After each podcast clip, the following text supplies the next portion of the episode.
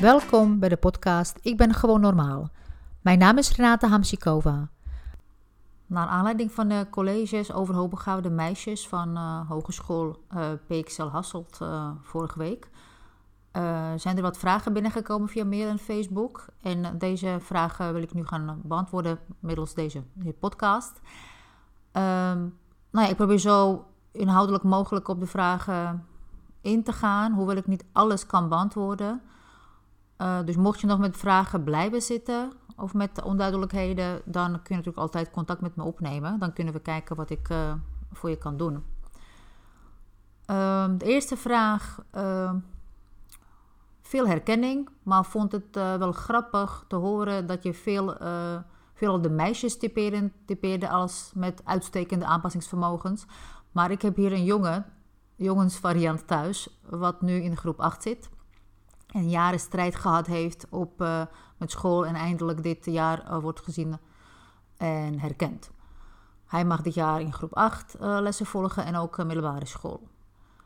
Het blijft een lastig onderwerp, het hele hoogbegaafde gebeuren, wat inderdaad, zoals je zei, veel te veel gekoppeld wordt aan alleen IQ-testen en de toetsgegevens. Het is zoveel meer dan dat. Nou, het is niet Alleen meer dan dat, het is eigenlijk helemaal iets anders zelfs.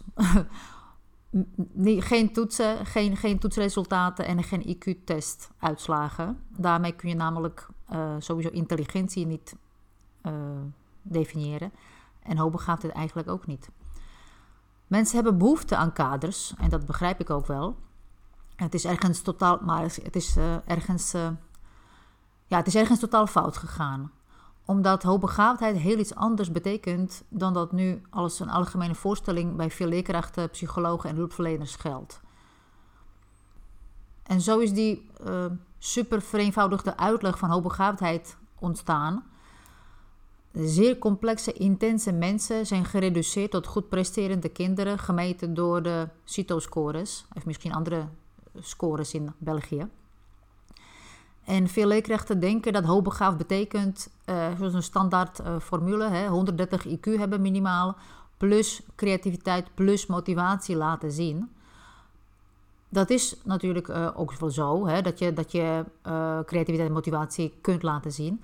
Maar wat daarbij vergeten wordt, is dat je dat alleen kunt laten zien als je in een passende omgeving zit. Dus als je in een voor jou ongeschikte omgeving zit, waar aanpassen aan het gemiddelde de norm is, kun je niet laten zien wie je bent.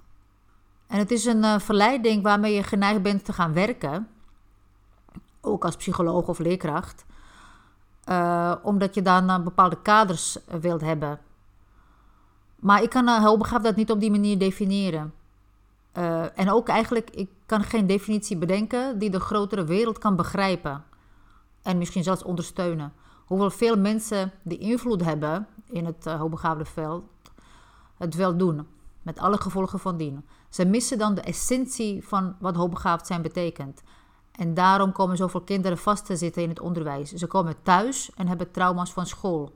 En waar komt het door? Dat komt door standaard onderwijsaanpassing, uh, compacte verrijken, verdiepen. Nou, als het zo simpel was, dan waren inderdaad niet zoveel kinderen uh, thuis of vast komen te zitten.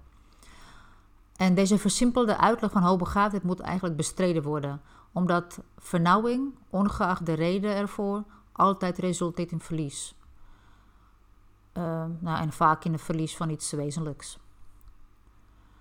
Het is alsof je losse letters leert schrijven en dat blijft doen, altijd maar blijft doen. Dat is nu de versimpelde uitleg van hoogbegaafdheid. Terwijl je eigenlijk hele stukken tekst kunt schrijven of hele mooie schilderijen kunt maken of heel prachtig muziekstuk uh, kunt maken. Er is dus veel meer in, daarin dan uh, wat de test testresultaten zeggen. En het is veel complexer dan dat en veel uh, meer ja, dimensionaal. Dus het blijft een lastig onderwerp voor mensen die het vereenvoudigd kunnen begrijpen. Maar het belangrijkste is dat jij zelf weet wie je bent en wat je nodig hebt. En dat je je kind helpt met zichzelf uh, zijn of worden en dat ook blijven. En hiervoor heb je de vaardigheden van hoogbegaafde rebel nodig. Je kunt de artikelen op mijn website over vinden. En uh, volgende college op 7 december, dat gaat over executieve functies en vaardigheden die je nodig hebt om verder te komen. Ik zeg daarbij en, want die executieve functies, dat is maar een, uh, echt een basis van wat je eigenlijk nodig hebt. En die college uh, geef ik samen met Niels Roest. Uh, hij is een voormalig Special Forces lid. En, en hij kan je meer vertellen over vaardigheden die je nodig hebt. vraag 2. College was heel herkenbaar bij mijn dochter, zes jaar. Heel leerrijk ook. Wat ik me afvroeg tijdens het kijken is of je jonge kinderen ook al moet mededelen waarom ze anders zijn zodat ze sneller vanuit zichzelf kunnen beginnen leven. Nou, ik denk dat je al jonge kinderen moet mededelen, niet se dat ze anders zijn, maar wie ze zijn. Dat, eigenlijk gaat het steeds om dat je, als je weet wie je bent en dat je oké bent zoals je bent en dat je misschien inderdaad anders bent, dat je anders leert, sneller bent uh, of langzamer bent in iets anders, hè, dat het allemaal oké is. Maar omdat de maatschappij ingericht is op vergelijking en meten, hebben al heel jonge uh, hoogbegaafde kinderen daar last van. En als je zo hoogbegaafd bent en intens en gevoelig, heb je daar meer last van dan andere mensen. Dus ik denk dat vooral dat niet vergelijken en niet bepaalde uh, verwachtingen hebben en zonder oordeel uh, naar het kind kijken, dat het een kind, dat het een kind meer rust geeft om zich te ontwikkelen zoals het wil, dus vanuit zijn autonomie.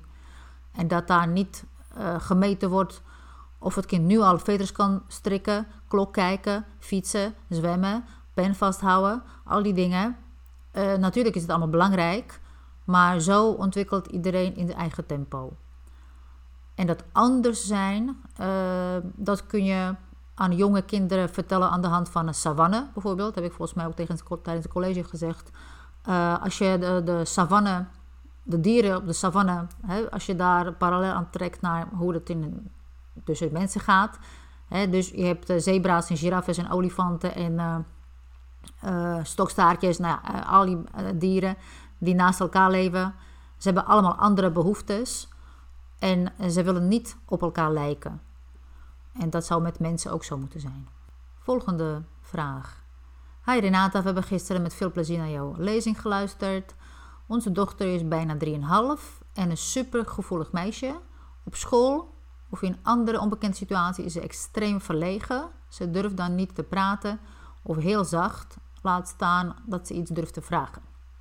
Tegen kinderen praat ze wel gewoon zonder verlegen te zijn, maar zodra ze doorheeft dat de leerkracht kijkt, stopt ze met praten. En het gebeurt ook wanneer ze een werkje maakt. In bepaalde situaties bevriest ze als het ware, soms zelfs letterlijk, wanneer het voor haar te druk is of wanneer er, uh, er een vreemd persoon binnenkomt. Op het kinderafverblijf ben ik twee keer gebeld dat ik haar moest komen halen. Nu in de kleuterschool uh, geven haar onverwachte situaties veel stress. Thuis is een heel ander meisje. Ze heeft sterk eigen wil. Ze heeft zichzelf Engels geleerd. En nu onze vraag: herken je het gedrag? En hoe kunnen we haar als leerkracht en ouders het beste begeleiden? Uh, hoogbegaafde mensen stellen over het algemeen hoge verwachtingen aan zichzelf. Nog voor het anderen dan doen, doen doe je dat eh, voor jezelf. Dus je wil dingen goed doen, je, wil, uh, uh, je weet dat je het aan kan, je voelt van binnen dat je dingen aan kan, maar je hebt eigenlijk nog niet geleerd uh, dat je iets niet kan. Daarnaast, ehm, in de situaties met vreemde mensen, zoals je zegt, of op school vraag ik me af uh, welke onderliggende boodschappen, onbedoeld misschien, hè, je dochtertje krijgt van de leerkracht of van jullie. Uh, zijn jullie gespannen, zijn jullie zenuwachtig, vol verwachting, uh, met een bepaalde, ja, wachten op bepaalde uitkomst. want omdat zij zo gevoelig is en intens en misschien zelfs uitzonderlijk begaafd, weet ik niet. Maar in ieder geval die gevoeligheid en intensiteit en empathie, dat maken dat zij andere mensen haar van kan lezen. En als je boodschap, wat je dus letterlijk zegt, niet correspondeert met wat je werkelijk voelt, ook al is, zit het in je onderbewustzijn, dan pikt ze dat op. Dus stel dat je als ouder verlegen bent, introvert, niet durft, uh, niet weet hoe je dingen moet aanpakken. Uh, je kan het misschien verbloemen, maar ze voelt het. Uh, dat kan spelen. wat ook nog kan spelen is dat, ze, dat het haar ontbreekt aan een vaardigheid op dat moment om voor zichzelf, om zich te beschermen. want wij zijn van kleins af aan gewend om extrovert te gaan doen. je moet meespelen, je moet socializen, je moet meedoen. maar als je introvert bent, is het gewoon een heel ander verhaal. En dan leer je niet voor jezelf te zorgen. En voor jezelf zorgen en je introversie bewaken is je, je belangrijkste taak. En daarvan dan kun je je tot wereld verhouden. Dus het is niet alleen die hoogbegaafdheid uh, van binnen die je voelt. Is ook de introversie en is ook die gevoeligheid en intensiteit. En hoe ga je daarmee om? Hoe kun je dus vanuit je kern uh, je tot de wereld verhouden? En welke vaardigheden heb je daarvoor nodig? Nou, daar gaan we het ook weer volgende keer over hebben bij de, op 7 december. Maar je kunt al, uh, nou ja, alvast bij jezelf nagaan. Welke boodschappen breng ik over? Onbewust misschien. Met mijn lichaamstaal, met mijn energie. En wat uh, pikt ze op? En uh, wat voelt ze dan als ze in een bepaalde omgeving zit? Uh, voelt ze dat ze iets moet laten zien misschien? Ook al is het niet letterlijk zo gezegd. Het kan zijn dat de leerkracht uh, bepaalde dingen wil zien. Hè? Want dat, dat, dat, dat, willen leerkrachten natuurlijk. Je wil kijken of de leerlingen vooruit gaan. Dus je wil dingen meten, dingen zien. En dat hoeft niet zo direct gericht te zijn op je dochter. Dat kan ook een al, algemene houding zijn van jou op die dag. Maar als je je ontspant als volwassene en je weet helemaal van binnen dat je geen verwachting hebt, volledig open-minded bent en je wacht af wat de dag brengt, die houding kan je dochter ook helpen om zich meer open te stellen. Dus ik hoop dat je hier iets aan hebt. Volgende vraag. Hoi Renate, als eerste wat leerzame bijeenkomst. Uh, even kijken, een dochtertje 3,7 jaar. Heel positief aangezien de school uh, meedenkt. Thuis lopen we aan tegen het feit dat ze zo snel uh, is uitgekeken op dingen. Ze kan zichzelf niet bezighouden. wat wel kan is alleen uren filmpjes kijken. ik denk dat, dat hoor ik trouwens meer, dat kinderen veel willen spelen of willen dingen doen en willen woordjes lezen en alles, maar alleen samen met iemand. het kan zijn dat het haar op dat moment ontbreekt aan vaardigheid om dingen alleen te doen. En waar het op gebaseerd is, uh, dat moet je onderzoeken, dat moet je je afvragen. Heeft het te maken met ja, bepaalde soort falangst, dat ze, op, dat, ze, dat ze op je leunt, dat ze denkt als het niet goed gaat, is niet erg, hè, dat ze een bepaalde steun nodig heeft. heeft het te maken met haar anders zijn en dat ze nog niet uh, gewend is met, dat, hè, met het anders zijn om te gaan, dat het zo overweldigend is, omdat jonge kinderen al vrij snel, uh, als ze in een groepje zitten, ook al hoeven ze, praten ze nog niet eens, dan voelen ze dat ze anders zijn. Dan voelen ze voelen een andere energie, ze voelen uh, dat ze levendiger zijn, anders gewoon dan andere kinderen. Dus het kan zijn dat je dochtertje uh, voelt dat ze in een groep anders is. Dat kan haar angstig maken, omdat ze niet weet wat ze daarmee aan moet. En omdat iedereen om haar heen vrolijk doet en leuk en speelt en huppelt, denkt ze van, nou ja, het hoort waarschijnlijk zo. Dus die aanpassing, daar kan een rol in speel, mee meespelen, zodat ze dan bepaalde houvast zoekt. ze kan ook houvast zoeken bij jou, omdat ze misschien nou ja, haar eigen faalangst verwacht, of, angst verwacht. Uh, en dan heeft ze, wil ze steun hebben. Dus eigenlijk zou ik haar met, met bijvoorbeeld 10 minuten, 15 minuten, 20 minuten opbouwend alleen laten spelen. En alleen dingen laten doen. Maar wat belangrijk daarbij is, ze hebben daarbij vaardigheden nodig. Dus niet alleen vaardigheid, vaardigheid hoe speel ik. Of uh, hoe kan ik rollenspel uh, doen. Of hoe kan ik dat doen, dat, dat weet ze waarschijnlijk wel. Maar hoe ga ik om met het gevoel als ik ehm, als ik eh, eh, ja, het gevoel krijg van ik mis iets. Of ik, ik, ik heb een houvast nodig. Of ik moet iemand spreken. Dat hebben trouwens volwassen mensen ook. Heel intense, empathische, gevoelige volwassenen. Die hebben dat vaak ook. Dat, dat heeft niets te maken met verlatingsangst of, of, ehm, of andere angst. Maar het heeft meer te maken met dat je connectie zoekt. Dus dat kan ook. Hè, dat je die connectie zoekt uh, met een gelijkgestemde. Met iemand die je begrijpt. En dat is zo uniek vaak dat iemand je begrijpt en dat je die connectie voelt, dat je je daaraan wil vastklampen. Um, dus dat is wel begrijpelijk. Maar uh, dat betekent niet dat je haar niet uh, ja, die vrijheid kunt gunnen om die vaardigheid aan te leren hoe zij uh, oké is met zichzelf en hoe zij uh, zich kan redden zonder andere mensen. Volgende vraag. Ik heb nog twee vragen. Uh, dit is, even kijken. Hoi Renata, wat raad je aan te doen bij de door jou uitgelegde neurotische faalangst? Uh, ook een dochter, ze wordt februari 7, bang om te fietsen, wil niet, omdat ze is bang om te vallen. Faalangst zit heel diep. Hoe weet je of een instantie de juiste kennis in huis heeft om het kind te helpen. Ja, dat zijn twee dingen. Uh, eerst over die faalangst of angst. Uh, kijk, dat eh, woord, uh, dat woord faalangst wordt heel vaak genoemd door leerkrachten, ouders, omdat het ja, een soort gebruikelijk woord is. Maar die faalangst, is, daar gaat iets aan vooraf en het is veel complexer dan iets niet durven. Er zit echt een enorme wereld, wereld, oneindige wereld aan complexiteit achter, achter die zogenaamde faalangst, die te maken heeft met dingen, dingen diep begrijpen, heel breed begrijpen, heel breed nadenken, heel erg intens eh, voelen. Uh, en het uh, ontbreken aan een vaardigheid, niet zozeer om te hoe ga je daarmee om als je valt? Of hoe ga je om als, als, je mis, als, als iets mislukt? Uh, hoe kan je dat verbeteren? Maar hoe ga je om met je gevoel? Wat doe je dan in zo'n situatie? Dat, dat wordt uh, meestal aan kinderen niet uitgelegd.